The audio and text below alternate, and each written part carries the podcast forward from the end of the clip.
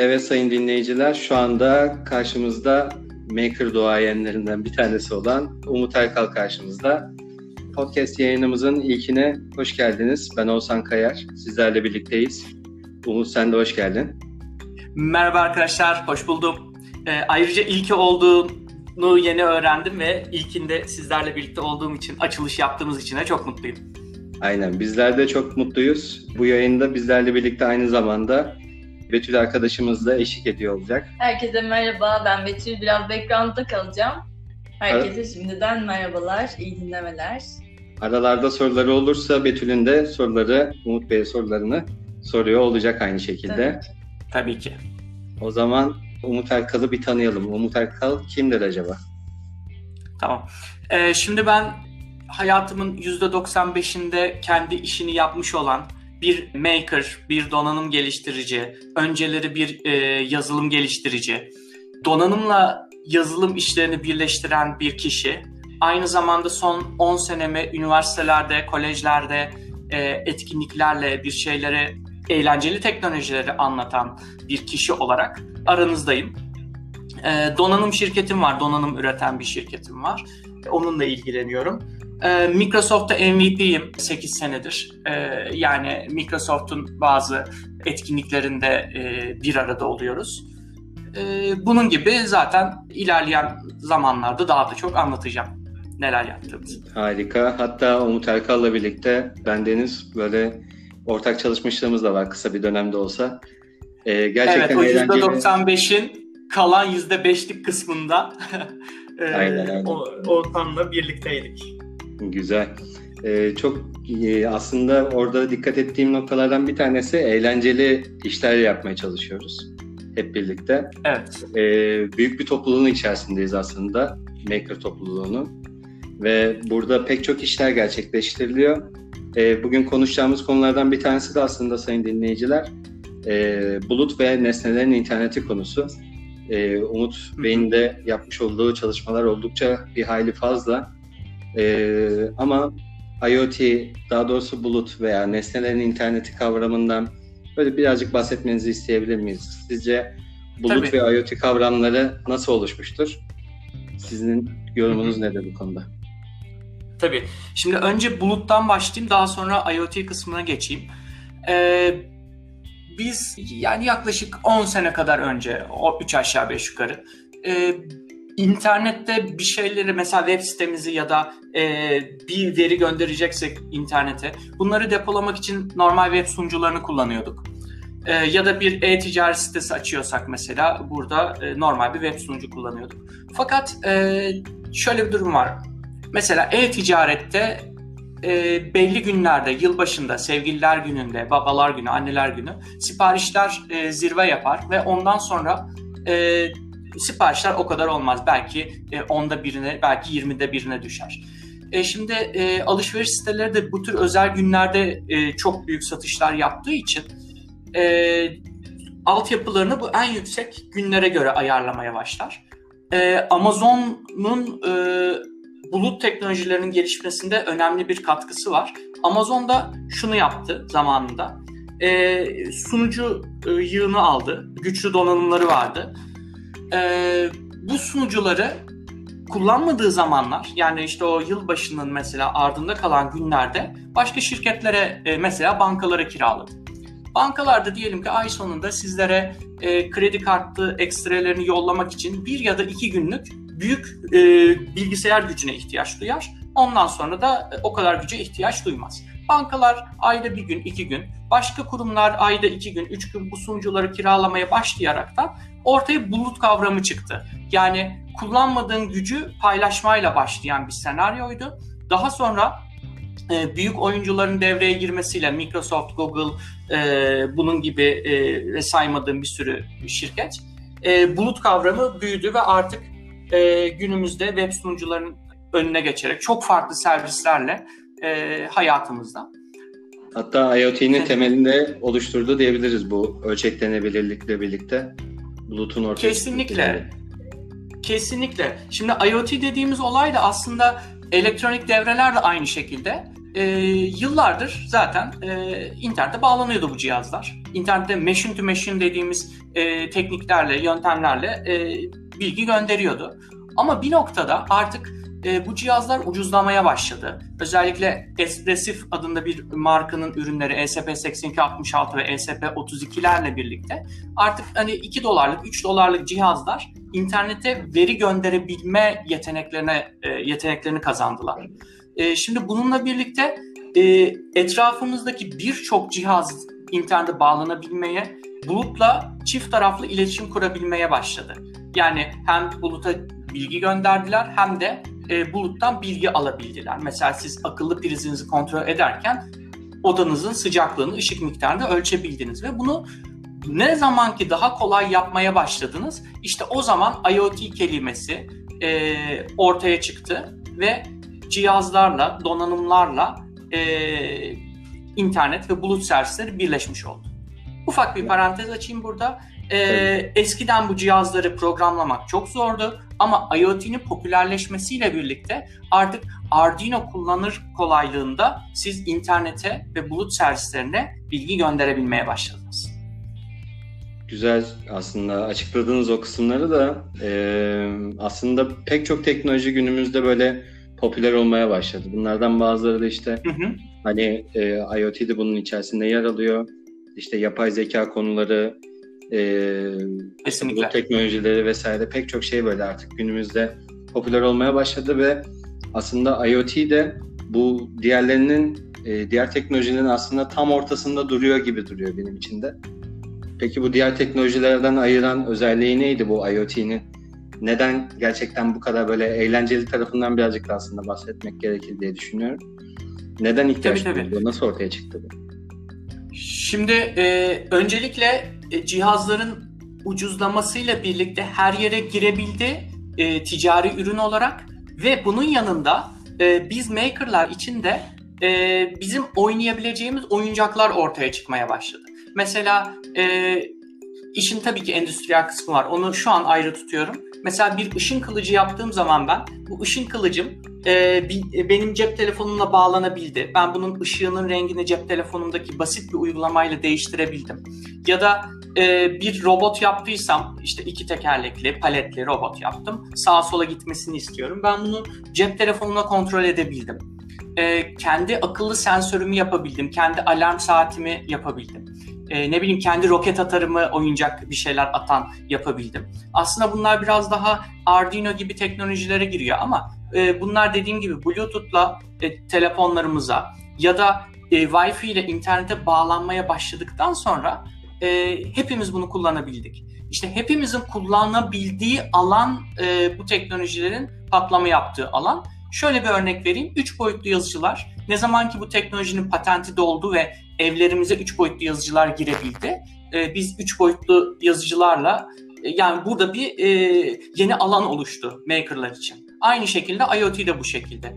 IoT de ucuzlayınca ve programlanması kolaylaştığı zaman diğer teknolojilerden, eski teknolojilerden farklı olarak kullanılabilir oldu. Güzel. Çok kısa bir örnek daha vereyim. Mesela Tabii, eskiden mikro denetleyicileri programlamak çok zordu. Ee, PIC mikro denetleyicilerini mesela bunun kristaliyle işte kablo bağlantıları vesaire e, uğraşmak. Ama ne zaman yine Arduino hayatımıza girdi, e, not defteri kolaylığında bir e, program yazma programıyla e, biz birkaç satırlık kodlarla cihazları programlayabildik. O zaman işte artık ortaokul öğrencileri de bir şeyler yapmaya başladı. O zamandan beri bir e, kazanımlarla büyüyen öğrenciler de zaten liseye, üniversiteye geldiği zaman ki bazıları yeni yeni artık o seviyeye geliyor, o yaşlara e, çok farklı bir noktadan üretmeye başlıyor olacaklar. İşte bu e, buna keyif katan ve hayatımıza sokan nokta. Kesinlikle. Ee, yakın zamanda hatta dün e, yayını izleyenler için birazcık daha zaman geçmiş olabilir belki ama Elazığ'da bir e, deprem meydana geldi. E, evet maalesef. Allah, Allah herkese sabırlar diliyorum. Umarım çok fazla e, hasar kaybı yoktur. E, haberleri de izlemekten şu anda e, kendimi alıkoyuyorum diyebilirim. E, burada yakın zamanda e, gördüğüm örneklerden bir tanesi, belki de araştırdığım noktalardan bir tanesi de e, bu depremi aslında daha öncesinden böyle belirleyebilmenin mümkün olup olmadığı ile ilgili bir araştırmam olmuştu ve Twitter'da şu zamanlarda fenomen olan e, Çinli birisi var ve hı hı. E, yapmış olduğu Arduino ve üzerinde işte havanın elektriksel şiddetini ölçen bir alet tasarlamış kendisi. E, aslında o evet. da bir maker ve e, sismum yani nasıl diyeyim jeolojik veya işte deprem bilimiyle alakalı hiçbir çalışması yok. Sadece bir korelasyon görmüş. Yükseldiği zaman işte depremlerin oluşabileceğine dair. Bunu da yaklaşık bir 10-12 gün öncesinden e, bizlere fark ettirmiş hatta.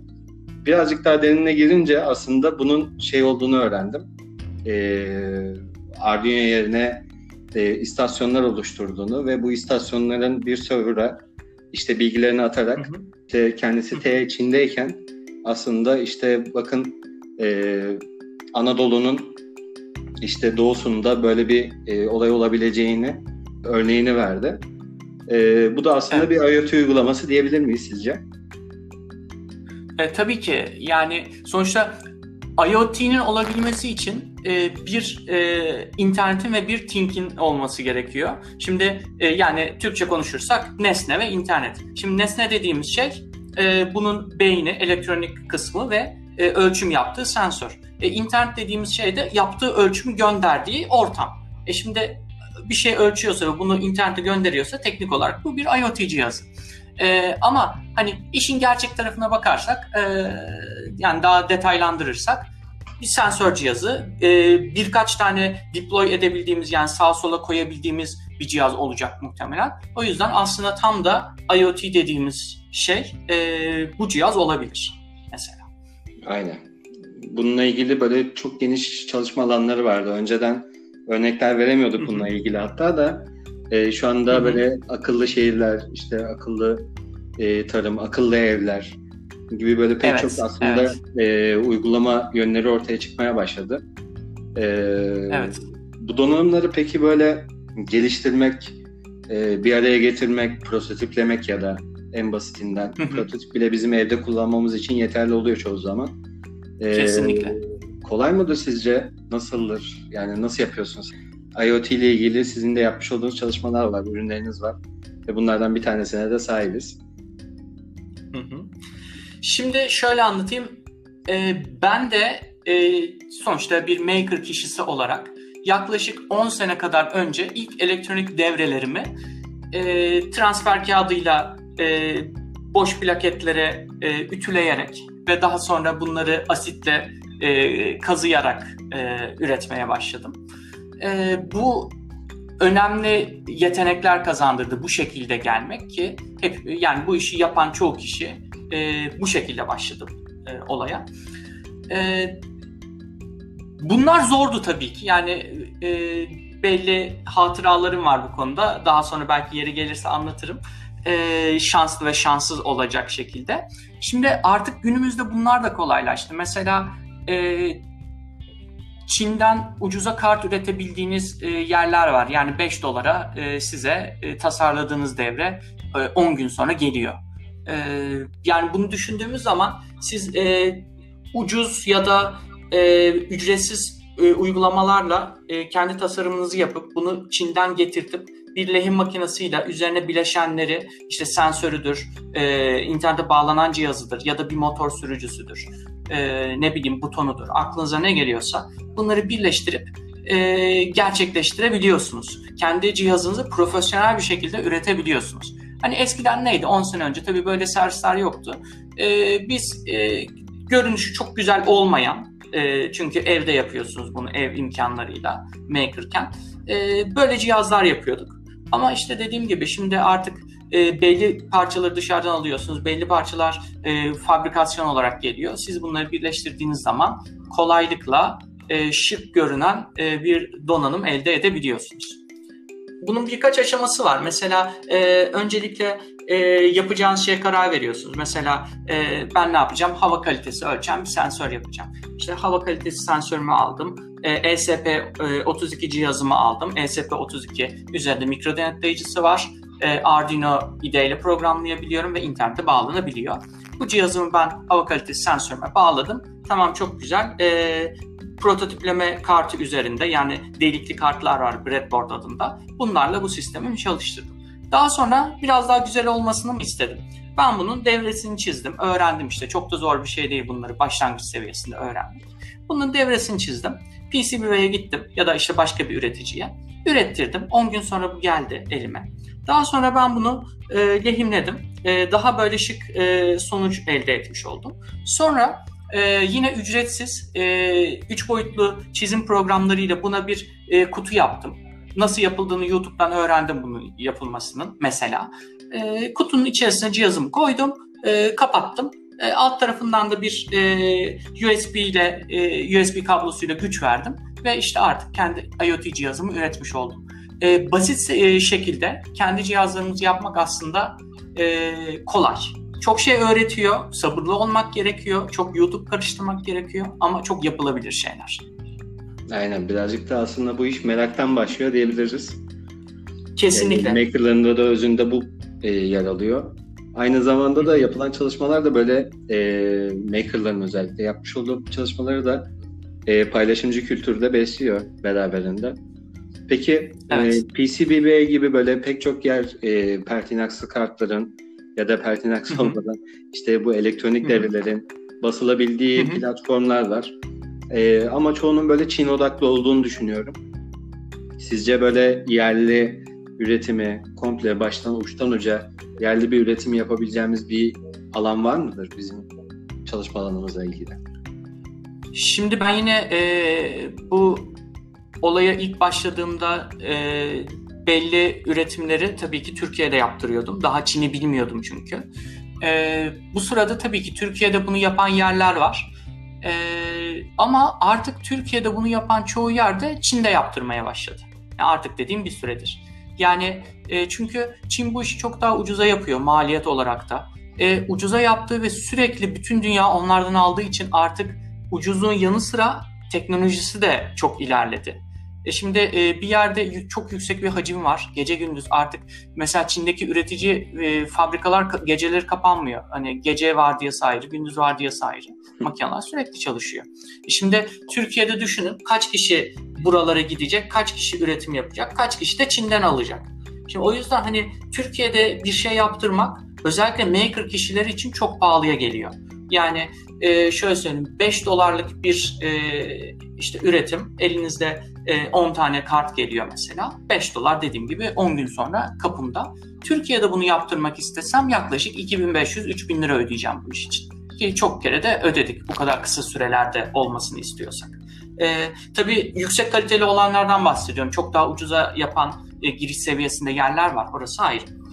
E, yerlilik işine de gelecek olursam e, mesela iPhone'un üretilmesini düşünün. E, iPhone e, Amerika'da üretilmiyor. E, Amerika'da tasarlanıyor ama Çin'de üretiliyor. Bunun iki sebebi var. Evet bir tanesi maliyet ama ikincisi Çin'in teknolojisi Amerika'ya göre daha yüksek belli konularda. Belli konularda da Amerika'da daha yüksek teknolojiler var. Şimdi e, o yüzden artık global pazarda hani bir entegrenin üretildiği yer ayrı. PCB'nin üretildiği yer ayrı, bunun montajlandığı yer ayrı. E, o yüzden hani kesinlikle e, artık günümüzde e, bir donanım için %100 yerli e, demek ya da %100 yerli olmasını beklemek çok mantıklı bir şey değil. E, bu şekilde hangi ülke olursa olsun, Fransa olsun, Amerika olsun, Türkiye olsun fark etmez. E, %100 yerli olmasını isterseniz bir şeyin e, ürününüzü piyasaya çıkaramazsınız ya da çok pahalıya çıkarırsınız ve rekabetten kaybedersiniz. E, eşittir sonu e, şirketinizin maalesef ölümü olur. Evet. O yüzden hani global yaklaşmak daha mantıklı bir karar. Aynen. Yani genellikle şöyle bir algı da var aslında bizim Türk milletinde. Ee, hani yerli üretim dendiği anda birazcık böyle hani bir oturup düşünüyorlar sanki her şeyi bütün bütün parçaları yerli olacakmış da ya da olmayacakmış gibi bir düşünce hakim oluyor. Ee, aslında oradaki evet. yapıyı da birazcık şey yapmak lazım, kurgulamak gerekiyor. Hani yerli üretim mi yapmalıyız? Her şey yerli mi olmalı yoksa yerli mi satılmalı? Ee, o konuda aslında önemli. Tabii şöyle bir parantez açmak istiyorum. Benim için e, bir donanımda e, önemli olan şey e, bunun mühendisliği, argesi ve bu üretildikten sonra e, bizim bunu nasıl desteklediğimiz, nasıl, nasıl dokümantasyonunu yaptığımız, e, mesela bu bir e, geliştirici ürünüyse e, örneklerini nasıl verdiğimiz, etkinliklerini nasıl yapıp kaç kişiye bu cihazı ulaştırdığımız e, ve müşteriyle olan ilişkilerimiz, müşteriyi yarı yolda bırakmamamız, her zaman destek çıkmamız gibi. E, şimdi işin bir de üretim kısmı var. Üretim kısmı e, işin tabii kalitesini belli eden şeylerden bir tanesi ama e, yani ARGE kadar vasıflı bir iş değil sonuçta. O yüzden e, hani bence işin mühendisliğinin nerede yapıldığı çok daha önemli. Yani işin çünkü bilgisi orada, e, know-how denilen işte belli yetkinlikleri, e, yetenekleri, mühendisliği burada. Hani geri kalan kısmı da tabii yapalım yapabildiğimiz kadar. Hatta ikinci bir e, iç parantez açmak istiyorum. E, mesela e, bizim şirketimiz Amerika'da şu an işliyor e, bazı üretimler için donanım şirketimiz var. Bazı üretimler için, prototipler için Amerika'da prototiplemeyi yapıyoruz belli bir sayıya kadar. Belli bir sayının üzerinde Türkiye'de üretim yapmak çok daha ucuz oluyor. Ama belli bir sayıyı geçtikten sonra da Çin'de yapmak daha e, uygun oluyor. Yani böyle aşamalı aşamalı da e, belli ülkelerin belli e, avantajları oluyor. Bunları bilmek ve doğru yerde doğru adımı atmak, doğru üretimi yapmak önemli. Güzel. Peki Umut, ben bir şey sormak istiyorum. Bu kendin, kendiniz üretim yaparken atıyorum bir gecede böyle çok çok sipariş aldığınız durumlar oldu mu ya da atıyorum on binlerce sipariş aldınız bunu nasıl üretirsiniz? Hiç düşündünüz Evet bu bu e, tabii ki yani e, ya şöyle bir şey var mesela bulut teknolojisinin en güzel yanlarından bir tanesi e, siz gece uyurken e, mesela uygulama e, yazdığınız, yazdığınız uygulama e, milyon tane indirildi ve e, altyapınızın öyle olması gerekiyor ki bulutun da özelliklerinden bir tanesi sistem kendini ölçekleyebilmeli ve e, 1 milyon kişinin e, isteğini karşılayabilmeli. Şimdi donanım kısmı biraz daha farklı çünkü donanımda siz uyurken gelen siparişe e, uyanacaksınız, birçok e, üreticiden teklif alacaksınız ve bunlara göre e, parçalara bakacaksınız. Hangi parça nerede uygun e, belli hacimlerde yine değişik ülkelerden e, ucuz parçayı bulabiliyorsunuz. En ucuz parçanın Çin'de olduğu diye bir şey de yok. Amerika'da bazen e, daha uygun ya da Türkiye'de belli şartlarda daha uyguna komponent alabiliyorsunuz gibi belli hikayeler var. Yani burada bir yaşayan e, bilgi var. E, sürekli e, değişiyor ve sürekli canlı tutuyor. En önemlisi e, bu ağdan hiçbir zaman kopmamak gerekiyor. E, böyle ani gelebilecek bir e, üretime hazır olmak için. Yani ben sürekli olarak e, üreticilerimle iş, işbirliği içerisinde bulunup e, şunu diyebileceğim. Bana işte e, 10 bin tane, 100 bin tane üretim gelirse e, ben şurada üretmeliyim, şu parçaları kullanmalıyım, şu parçaları şuradan almalıyım. İki tane alt maddesi var bunun. Bir tanesi yüksek hacimli siparişlerde e, hiçbir zaman e, mesela 10 bin tane sipariş geldi. 10 bini birden sevk edilmiyor karşı tarafa. E, bir e, gönderim planı yapılıyor. Deniliyor ki işte iki haftada bir e, biner tane üretim size veririz. Çünkü yapılan e, üret donanımların belki programlanması, belki testlerinin yapılması gerekiyor. Sondaki belki hisselerin testlerinin mutlaka yapılması gerekiyor. E, yani öncelikle e, güzel bir plan gerekiyor e, hazırlıklı olmak gerekiyor. İkinci durumda şu. Şimdi e, donanımların çok tehlikeli bir yanı var. E, bir donanım mesela üzerinde 50 ya da 100 tane bileşenden oluşabiliyor. Bir sensör cihazı, bunun üzerinde mikro denetleyicisi, sensörü, direnci, kondansatörü, ışığı, ledi, butonu, e, konnektörü derken çok fazla sayısı oluyor. Şimdi bunlardan bir tanesi diyelim ki bir direnç piyasada e, o an bulunmuyor. Tamam onun muadilini bulup koyabiliriz yerine. E, aynı değerde başka marka. Fakat mesela bir sensör e, fabrikasında e, üretimi durduruldu ya da e, ara verildi. Mesela benim çok ünlü bir donanımım vardı sensör cihazı. Bunun üzerinde yine en sevdiğim çok fonksiyonel bir ışık ve el hareketi algılama sensörü vardı ve bunu üreten şirket değişti. E, başka bir yere satıldı ve 3 ay boyunca e, bu sensör bulunamadı. Elimde bir miktar stok vardı ama ondan sonra bir miktar biz e, isteyenlere ürün gönderemedik. Şimdi belli parçalar olur, bunun muadilini koyabilirsiniz. Belli parçalar olur, muadilini koyamazsınız. O yüzden e, hacmi çıkabilecek ürünlerde bilmemiz, yapmamız gereken şey e, parça seçerken üretici olarak e, bu parçaları çok bulunabilen, bilinen üreticilerden e, seçmek gerekiyor. Ve hani bunların altında parçaları alırken mesela şu der, factory lead time der. Yani fabrika bir sipariş verdiğiniz zaman 6 haftada size üretim verebilir. E, hani bunları da kısa olanlardan seçmek lazım. Çünkü bir seneye yaklaşı, yaklaşan lead time'ı olan ürünler de var piyasada. Bunları tercih etmemek gerekiyor. Yani kendimizi güncel tutacağız. Doğru parçaları seçeceğiz. Çok teknik detaya girdim ama hani e, yeni başlayan arkadaşların da biraz bilmesi gerekiyor. Hayat kurtarabilir bu e, detay. E, o yüzden doğru parça seçmek ve e, her geçen e, her sabah uyandığımızda posta kutumuza umutla bakıp sipariş geldi mi diye. Keşke binlerce sipariş gelse. Değil mi? Keşke evet keşke ben de şunu diyorum yani keşke e, yo, bu arada çoğunlukla yoğun oluyoruz ama hani e, bazen yoğun olurken daha doğrusu hani iş olmasa daha mı mutlu olurduk diyorum. Hani bazen çünkü böyle sabahlara kadar çalışmamız gerekiyor. Hani iş var yeter ki biz çalışalım. Hani yeter ki e, gece gündüz çalıştıracak kadar iş olsun yani. Bu herkes için de aynı şey geçerli. Evet, evet, evet. Peki bir IoT platformu ya da böyle bir girişim içerisine girmeye çalışsak böyle nasıl bir evet. ekip olmalıyız ki? Yani bu ekibin içerisinde neler olmalı ki? Ya da kendi işimizi mi açmalıyız yoksa başka bir ekibe mi dahil olmalıyız? Nasıl bir şey yapmalıyız ki gerçekten başarıya ulaşabilelim? Mesela başarılı girişimleriniz bu... var mutlaka sizin de. Tabii tabii tabii. Şimdi bu da e, yani ekip seçmek de komponent seçmek kadar önemli bir şey. Hatta en önemli şey. e, şimdi e, ben çoğunlukla başlangıçlarda her zaman e, one man army olarak başladım e, çoğu işime.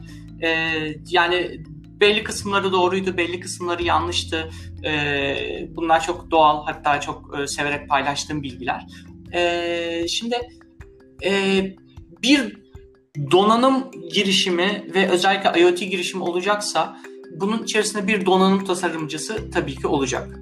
Üretimleri yapacak bir kişi olacak e, yani üretim ve test e, aşamalarından sorumlu bir kişi olacak. E, bu işin bulut e, platformu var. E, servislerden anlayan bir kişi olacak. Mobil uygulama yapılıyorsa e, bunun mobil uygulamayla ilgilenen kişisi olacak. İşte bir web servis, e, web sitesi e, ya da paneli yapılacaksa bunun e, frontendcisi, backendcisi olacak. Bu kişi designer'ı olmak durumunda. Çünkü e, hani e, güzel tasarımlı e, cihazlar ya da güzel tasarımlı sistemler, servisler, uygulamalar çok daha fazla e, beğenilir ve e, müşteri buna sahiplenir. Şimdi bu ekibi saydığımız zaman e, yaklaşık 10 kişiye muhtemelen yaklaştı. Buna ek olarak bir de üretim kolay bir şey değil. E, üretim için bazen elle iş yapılması gerekiyorsa e, birkaç kişinin de üretim aşamasında çalışması gerekiyor. Üretime ek olarak bir de bu işin satış pazarlaması var. Tamam artık satış pazarlama işleri online olarak yapılıyor ama hani belli kurumlara gitmeniz, bunlara sürekli mail atmanız, bu iletişimleri güncel tutmanız, e, yani normal bir e, donanım kişisinin yapamayacağı belli yetenekleri olan kişilerin de e, dahil olması gerekiyor. Şimdi buna baktığımız zaman e, 12, 13, 15 kişilik bir ekip. E, elle tutulur mu? Hayır. Siz e, Türkiye'de e, bir IoT startup'ı açtınız ve 15 kişiniz var. E, yani iflas edersiniz. E, uzun bir şekilde yaşayamazsınız. 15 kişiye e, O yüzden yani hangi arabada yetiştireceğiz de ya da nasıl tabii bir şekilde tabii ya 15 kişinin 15 kişinin maliyetinin yaklaşık 100 bin lira olduğunu ayda düşünürsek e, bizim 100 bin lirayı e, sağlayabilmek için belki 10 bin tane ayda cihaz satıyor olmamız gerekir. E, yani e, o yüzden yani e, bir donanım çıkarken belli bir mühendisliğe ihtiyacı oluyor ve belli emeklere ihtiyacı oluyor. E, o emekler sırasında iş yeriniz para kazanmıyor. Onu piyasaya çıkardığınızda para kazanmaya başlıyor fakat bir süre sonra popülerliği gidiyor, yeni bir teknoloji geliyor, rekabet çıkıyor vesaire e, ya da döviz fırlıyor ve kazancınız düşüyor. Ondan Evet, sonra evet, e, başka bir- bir ürünle evet yani yeni bir e, ürün yeni bir arge yapmanız gerekiyor. Böyle yaşayan bir döngü. Yani e, doğa gibi bu da hani ölüm kalım e, yenilerin doğması gibi e, devam eden bir süreç. E, yani yetenekli kişilerin, çok şey yapabilen kişilerin ekipte olması ve e, ekibin dedike bir şekilde işini severek yapması en önemli şey. Hani işini severek ve birkaç kişinin işini yapabilen kişilerin e, yer aldığı bir ekip başlangıçta daha mantıklı. E, bulmak zor, bu ekibi kurmak zor. Ee, o yüzden ben tek kişiydim. Ee, ve tabii tek kişi olarak bunu yapmak inanılmaz zor. Çünkü işin muhasebesinden, pazarlamasından, üretiminden, nakliyesinden, fuarlarda e, ürünün tanıtımını yapmaktan e, tasarımına, donanımına, e, e, aklınıza ne geliyorsa, üniversitelere gidip konuşmasına, okullarda etkinlik yapmasına kadar her şey, web sitesinin tasarlanmasına kadar her şey sizin elinizde. Hatta bir gün e, Türkiye İnovasyon Haftası'nda biri geldi yanıma. E, işte ben ben varım bir de e, arkadaşım var yanımda. Bir şeyler anlatıyoruz. E, standdayız. Şey dedi bana baktı. E, sen satış ve pazarlama mı dedi. Ben böyle düşündüm. Hani o sırada e, şirketin çoğu yani çoğunu ben hallediyorum. E, nakliye diyecektim aslında. Çünkü nakliye de yapıyorum. E, Ondan sonra tabii e, evet dedim biraz geçiştirdim konuyu ama e, yani e, her şeyi siz oluyorsunuz ve bu her şeyi severek yapmanız gerekiyor. E, ve kendi işiniz olunca nasıl bir çocuğun her şeyini yap- yaparsınız çocuğunuzun aynı şekilde e, kendi işinizin de her şeyini kendiniz seve seve yapıyorsunuz. Ve onun bir yere geldiğini görmek de e, size mutluluk veriyor. Çok şey yaptığın zaman çok şey öğreniyorsunuz ama emin olun e, zor bir süreç. Bu zor sürece e, alışkın olmak ya da hazır olmak gerekiyor. E, çok yakın arkadaşlarla yapılan işlerden çok bir hayır gelmiyor. Önce onu söyleyeyim. Yani arkadaşlığınız zarar görebiliyor. Çünkü benim öyle zamanda arkadaşlarım vardı. E, çok samimi arkadaşlarım. Çok seviyorum kendilerini ama mesela iş yaparken çok anlaşamadık. Bu çok e, doğal bir şey e, sonuçta. E, Tabii. her konuda anlaşmak zorunda değilsiniz.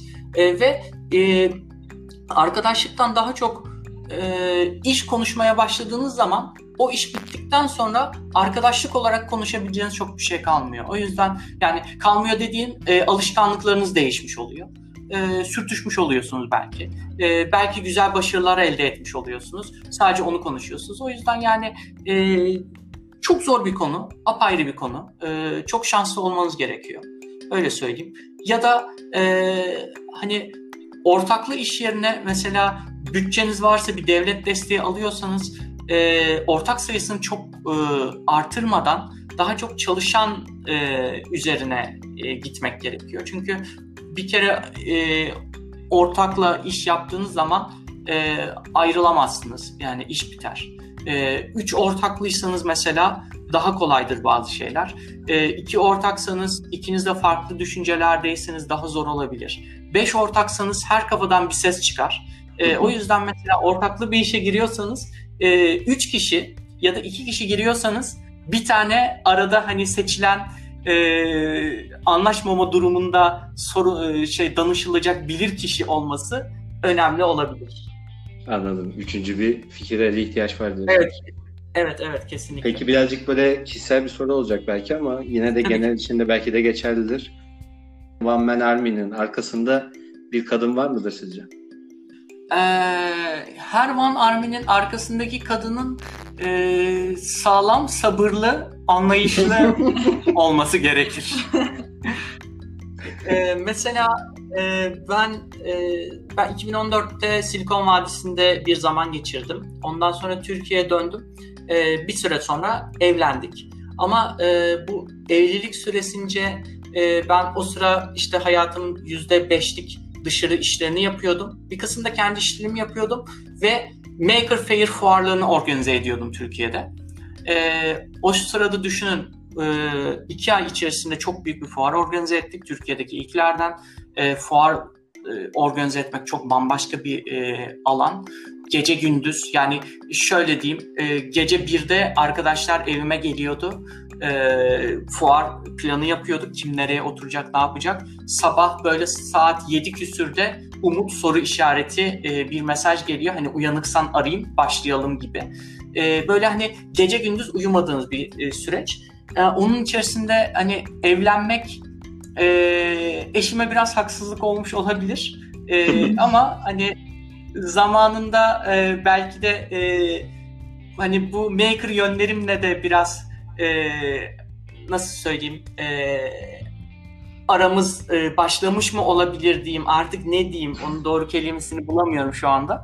E, o yüzden e, anlayışlı olmak iyidir. Anlayış önemli.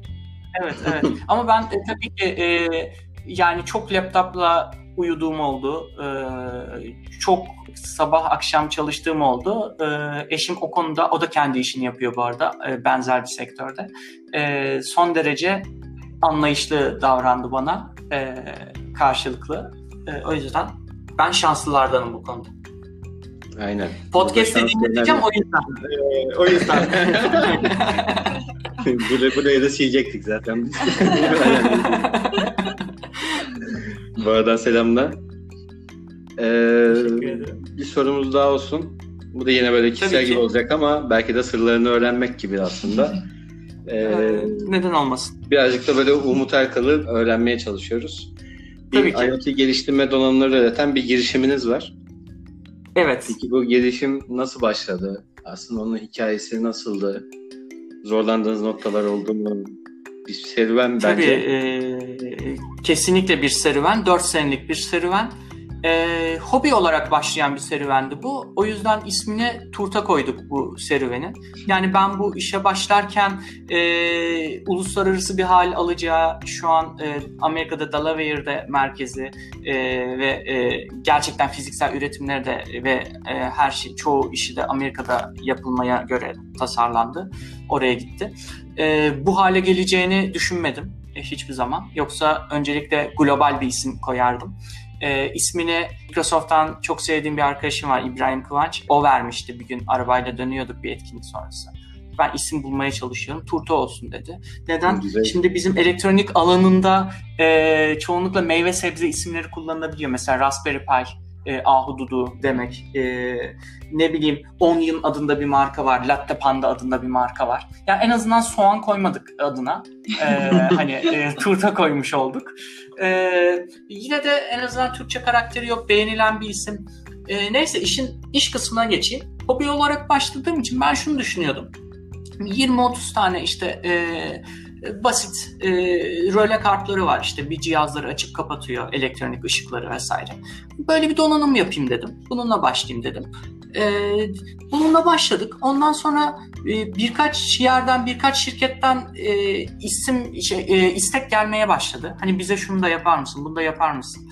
E, daha sonra Microsoft'la büyük bir e, ortaklığa girdik. Ortaklık demeyeyim de e, ben etkinliklerinde e, kullanılacak e, donanımları e, ürettim ve e, Türkiye çapında bir etkinlik yaptık. Şimdi e, bunlarla birlikte marka şekillenmeye başladı. Bu marka büyüdükçe eğitim içerikleri çıkarmamız gerekti. E, sonra bu markanın dokümantasyonları oluşmaya başladı. Bizim çok zengin bir dokümantasyonumuz var. Hani dünyadaki en büyük bu işi yapanlardan hiç aşağı kalmayacak şekilde oluşturduğumuz yaygın bir dokümantasyon ve örnek içeriklerimiz var. E, bunlar ortaya çıktı. Şirket ilk önce Türkiye'deydi. Türkiye'de başladı. E, Türkiye'de donanımları satan, robotik ya da elektronik devreleri satan e, birçok mağazanın e, kurucusu benim arkadaşım. Çünkü maker kültürünü Türkiye'de e, birlikte oluşturduk. E, şimdi e, o yüzden benim e, ürünlerimi satmam zor olmadı. Hani e, konuştuk arkadaşlarla. Şöyle ürünlerim var. E, size koyalım mı? Gittik konuştuk tabii dediler. Bu konuda şanslıydım. Hatta uzun bir süre e, ana sayfalarında bu ürünler durdu. E, daha sonra tabii Türkiye'de döviz çıktıkça maalesef e, şanssız anlar başlamaya başladı. E, yani biz tabii e, parçaları dolarla almak durumundayız. Ancak ürünler yine dolarla satılmak zorunda ki e, benim kar payım e, aynı kalsın. E, tabii ürünün fiyatı çıktıkça e, satın al, alınma e, grafiği düşüyor. E, maliyeti yükseliyor. E, depoda duran stoklar daha uzun durmaya başlıyor gibi. Hatta bana şunu diyorlardı çok kişi hani e, Türkiye'de mi dolarla satıyorsunuz? E, yani çünkü ben dolarla alıyorum. Ben e, Mansur Electronics'e, Arova e, vesaire bana TL ile verin diyemiyorum o yüzden maalesef. PCBWay de bana faturayı dolarla kesiyor. E, maalesef böyle bir şey oldu. E, satışlar gittikçe düşmeye başlamıştı Türkiye'de. Ancak işte ara ara böyle e, büyük ülke çapında etkinlikler düzenleyerek bayağı yüksek sayıda siparişlerle bunları kurtardık. E, bir noktada ben dedim ki hani Türkiye'de bu iş e, şimdi geleceği çok fazla olmayacak. Çünkü biz bu arada ucuz üründe yapmıyoruz. Hani gerçekten e, endüstriyel kalitede e, bileşenleri olan, üzerindeki komponentlerin üzerine markası yazsın yazmasın, kullanıcı bunu görsün görmesin, gerçekte markası olan şeyleri hep kullanıyoruz. E, yani benim özetle e, bakmaktan gurur duyduğum, işte biz bunu yaptık e, dediğim ürünler oluyor. E, o yüzden hani biraz bir tık da pahalı olduğu için e, dedim ki önce biz bunları Avrupa'ya açalım e, Estonya'da bir e-vatandaşlığım vardı. Onunla birlikte e, Estonya Amazon'a e, ve işte Avrupa Amazon'a daha doğrusu açıldık. Orada bir şirket vardı. Kısa bir süre sonra e, bu işi Amerika'ya taşıma kararı alındı.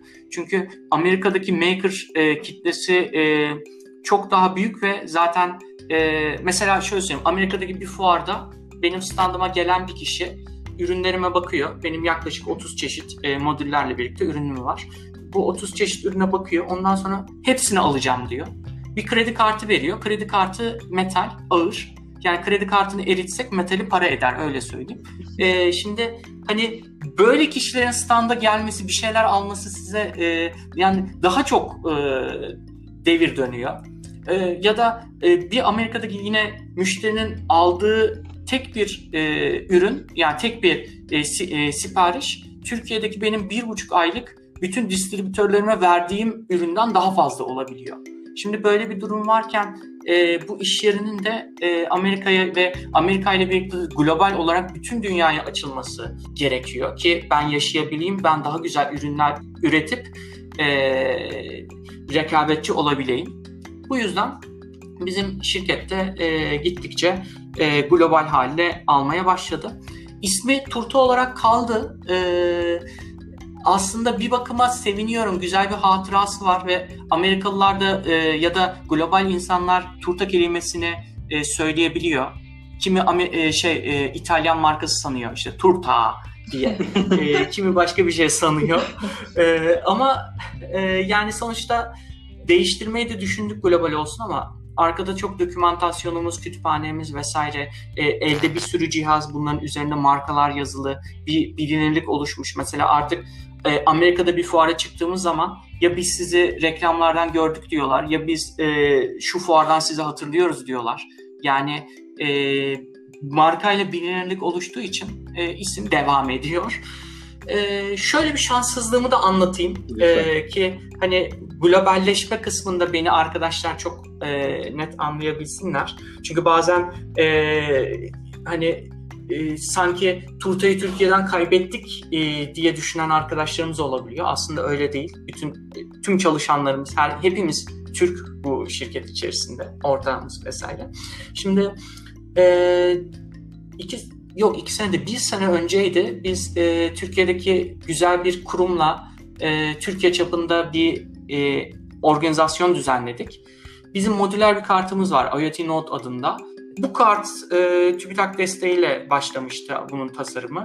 E, bunları yaptık, ürettik. Bir süre çalışmadı. Sonra işte anten devresiyle ilgili bir sıkıntılar oldu. Sonra bunları çözdük, hallettik. Son ürün geldi. Ben son lehim yaptım, programı attım. Sistem çalışıyor. Ürün başarılı olarak tamamlandı. E, yarım saat sonra arkadaşım aradı. Türkiye çapında bir etkinlik yapacağız e, senin cihazından işte şu kadar adet yani e, işte büyük rakamlarda almak istiyoruz.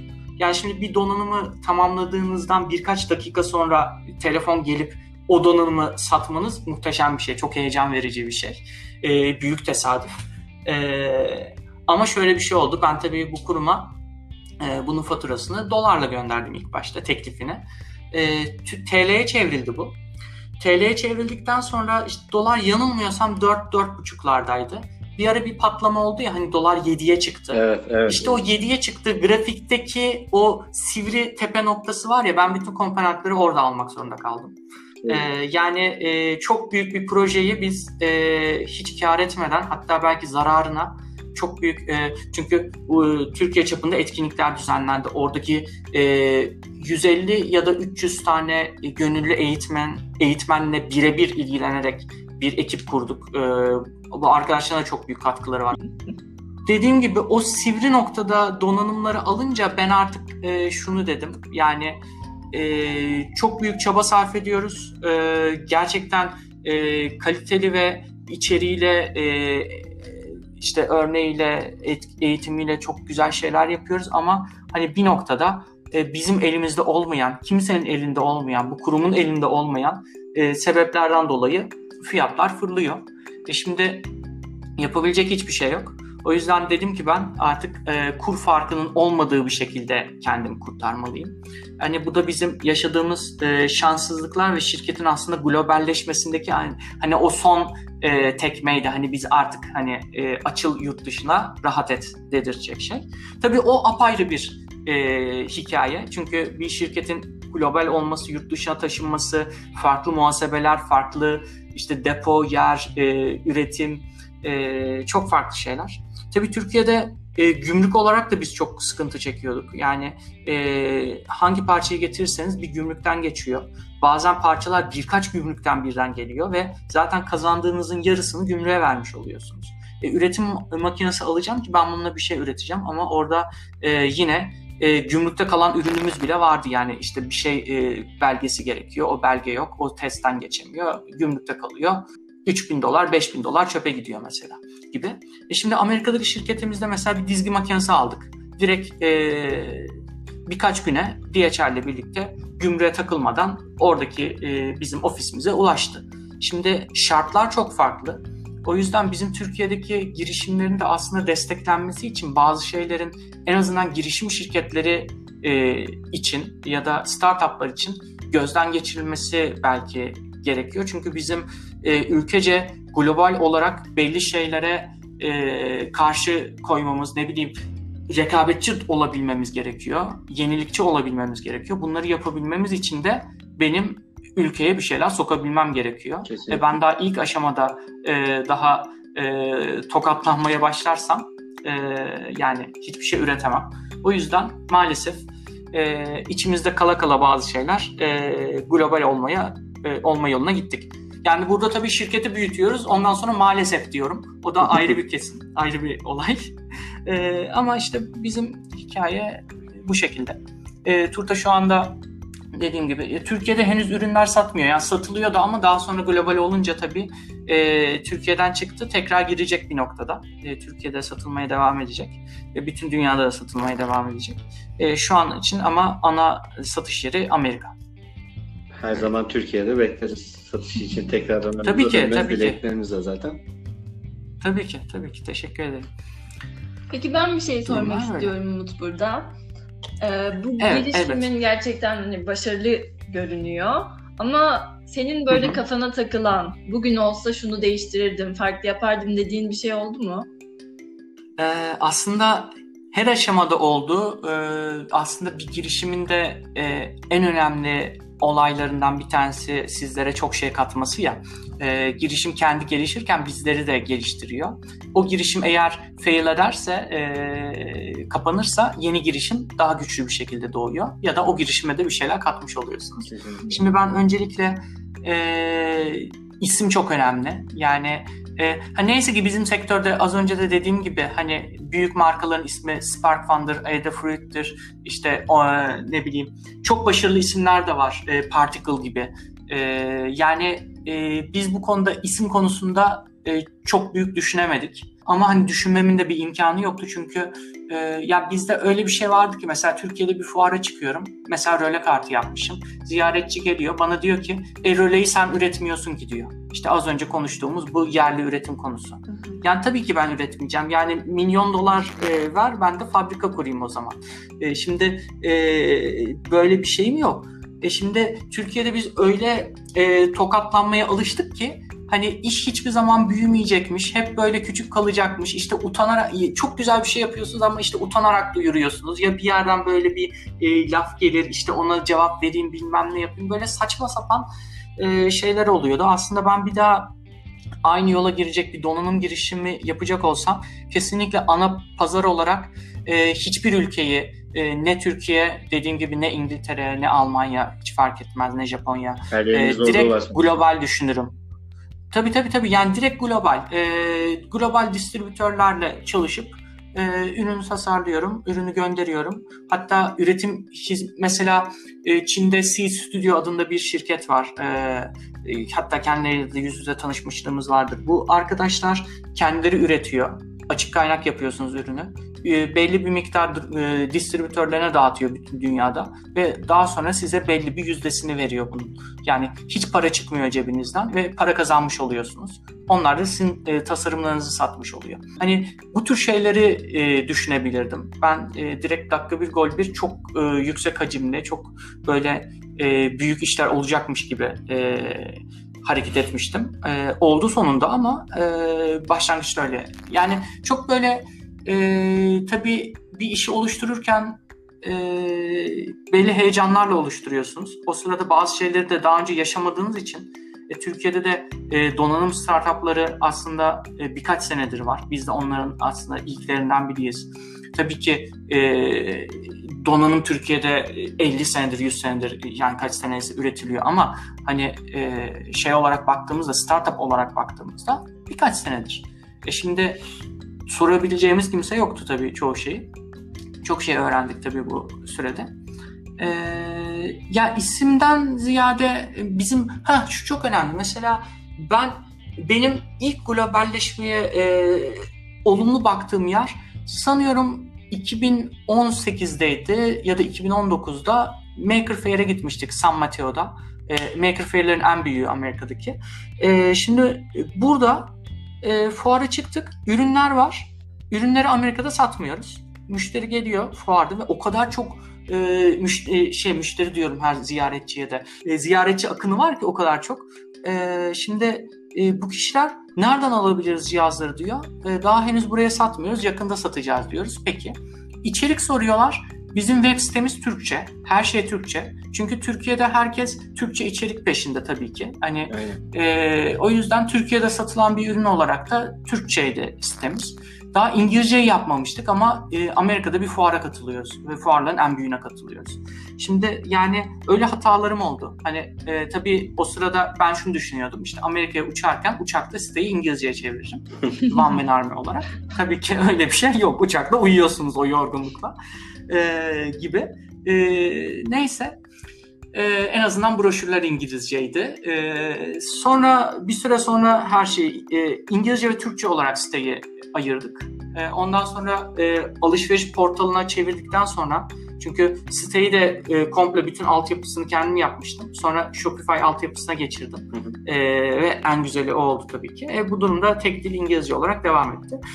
Yani e, pazar belirlemek çok önemli. İsimlendirme çok önemli. E, ekip önemli. Biz bir devlet desteği almıştık TÜBİTAK'tan. E, ben bu desteği çok doğru kullanamadım. Yani e, şöyle söyleyeyim, iyi niyetliydim tamamen. Mesela e, ben şuna çok karşıydım. Devlet desteği alıp cep telefonu ya da laptop yazdırmaya çok karşı bakıyordum.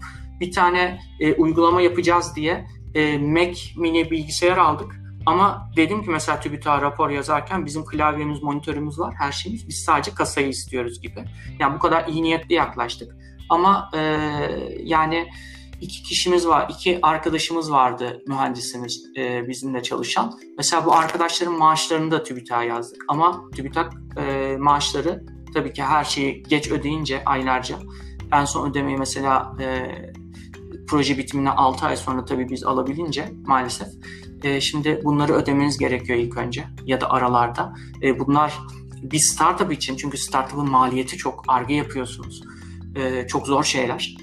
E, yani devlet desteğini daha mantıklı kullanırdım. En azından maaş gibi şeyler yazmaktansa e, donanım gibi şeyler yazardım ya da ne bileyim belli şeyleri kendi cebimden alayım, devlete az yük olayım yerine hayır ben zaten kendi emeğimle, gece gündüz çalışmamla bir şey yapıyorum. Bunu almak da benim hakkım ki benim yaptığım şey bu ülkenin de ilerlemesinde, büyümesinde bir katkı sağlayacak.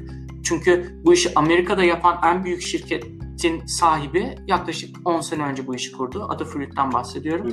Ee, yatak odasında yani üniversitede kaldığı e, yatakhanesinde satarak başladı bir şeyleri ve şu an Amerika'nın e, ilk 5 ya da 10 büyük üreticisinden bir tanesi. Amerika e, ekonomisine katkısı inanılmaz. Hani o yüzden kendi yaptığımız şeyleri küçük görmemek lazım. Hani e, bizim yaptığımız girişimcilerin yaptığı şeyler büyüdüğü zaman e, ülke ekonomisine katkıları var. O yüzden hani böyle küçük şeyleri düşünmemek, hani direkt e, destekleri doğru kullanmak ve az önce saydığım şeyleri de yapmak gerekiyor. Kesinlikle. Yani, geri... yani hatalarım var, çok hata hata var. Hataları da e, yani e, seve seve e, paylaşmaya çalışıyorum ki yeni gelen arkadaşlarımız, yeni yapacak kişiler bu hataları e, yapmasınlar diye. Ama şu an hani aklıma gelenler en azından bunlar. Aslında e, bu sorunun da cevabını vermiş olduk ama e, programımızın da yavaş yavaş sonuna geliyoruz. Peki Umut Erkal'ın e, yeni başlayacak arkadaşlara bir tavsiyesi var mıdır? Bu IoT sektörüne, bulut teknolojilerine vesaire böyle dahil olurken ne gibi tavsiyelerde bulunursunuz? Sorum olacaktı. Tamam. Şimdi e, önce e, bana şimdi çok arkadaşım çok projeyle geliyor. E, tabii ki hani bunu nasıl yapalım, şunu yap nasıl yapalım ya da işte e, sen yapar mısın diye e, gelen arkadaşlarım oluyor. E, öncelikle hani aklınıza bir fikir geliyor ve bu fikirle e, dünyayı değiştireceğini sanıyorsunuz. Aslında bu fikir e, sizin dışınızda e, yüzlerce, binlerce kişinin aklına gelmiş oluyor. E, kimi bunu yapıyor, kimi de hamle yapıp bu e, fikri hayata geçirmemiş oluyor. Öncelikle hani kendi fikrinize aşık olmak yerine bu fikre bir dışarıdan bakmak gerekiyor. İkincisi e, ürünü satamazsanız, para kazanamazsınız, ürünü hayata geçiremezsiniz, yatırım alamazsınız. E, o yüzden e, ürüne dışarıdan bakıp sizin isteyeceğiniz şekilde değil de müşterinin isteyeceği şekilde şekillendirmek gerekiyor. Yani siz ürünü müşteriye satın ondan sonra e, kendiniz için ayrıca bir ürün yaparsınız tamamen sevdiğiniz e, fanus içinde saklayacağınız. Ama e, şey çok önemli hani müşteriye göre satılabilecek doğru pazarda doğru zamanda doğru ürünü e, yapmak. E, bunun dışında ya üretim konusunda biz Türkiye'de e, çok zorlanabiliyoruz. Yani bir şey yapmayı mesela bilmiyorsak e, bunu ne bileyim mesela bir falanca yapar diyoruz ama o falancaya gidiyoruz. E, falanca bir şey yapıyor ama çok saçma sapan bir şey yapıyor. E, onunla çıkıyoruz, ünlü olmaya çalışıyoruz. E, işte haberlere çıkıyoruz, YouTube kanallarına çıkmaya çalışıyoruz falan. Yani e, bir bir ürün yaparken bir dünyadaki eşdeğerlerine bakmak lazım. Hani e, çok zor bir şey değil. İnternette arayacağız. Hani bu ürün başkasında ne yapıyor? Mesela biz e, Raspberry Pi'ler için, Arduino'lar için geliştirme kartları yapıyoruz. E, piyasadaki diğer cihazları tabii ki biliyorum. Tabii ki hepsini kullandım. E, yani e, bakıyorum ya e, Adafruit bunu nasıl yapmış? SparkFun nasıl yapmış? Mikroelektronika nasıl yapmış? Ben nasıl yapmalıyım? E, ben ona göre ürünlerimi yapıyorum ki bu arkadaşların ürünlerinden e, aşağıda kalmasın. Onlarla aynı seviyede olsun ve e, ben bunu gururla bir fuarda sun, sunduğum zaman e, yani e, insanlar buna değer versin. Ya mesela bizim bir e, anımız var. E, yine geçen seneki Maker Fair'de e, yine San Mateo'daydı. E, Arduino için bir ürün yapmıştık. Ürünü fuarda tanıtıma çıkardık ve ürünü ilk alan kişi Arduino'nun kurucusuydu mesela. Standa geldi, beğendi. Kendi yapmadığı üründü. Muhtemelen kendisi de yapmak istedi. Aynen. E, donanım e, tasarımcı lidiyle birlikte gelmişti. Orada kartlarımızı paylaştık falan birlikte çalışmak için. Yani e, nasıl diyeyim e, başka yani başka piyasada başkası ne yapıyorsa ondan aşağı bir şey yapmamak lazım. Özellikle son olarak e, onu söylemiş oldum. Çok güzel bir e, podcast yayınıydı benim için. Betül için de Benim için de öyle. Çok keyifliydi. Ağzına benim için de öyle. Teşekkür ederim. Teşekkür ederim. Yani bunları paylaşmak kıymetli bir şey. Son bir parantez açmak Tabii istiyorum. Ee, süreyi de çok uzatmadan.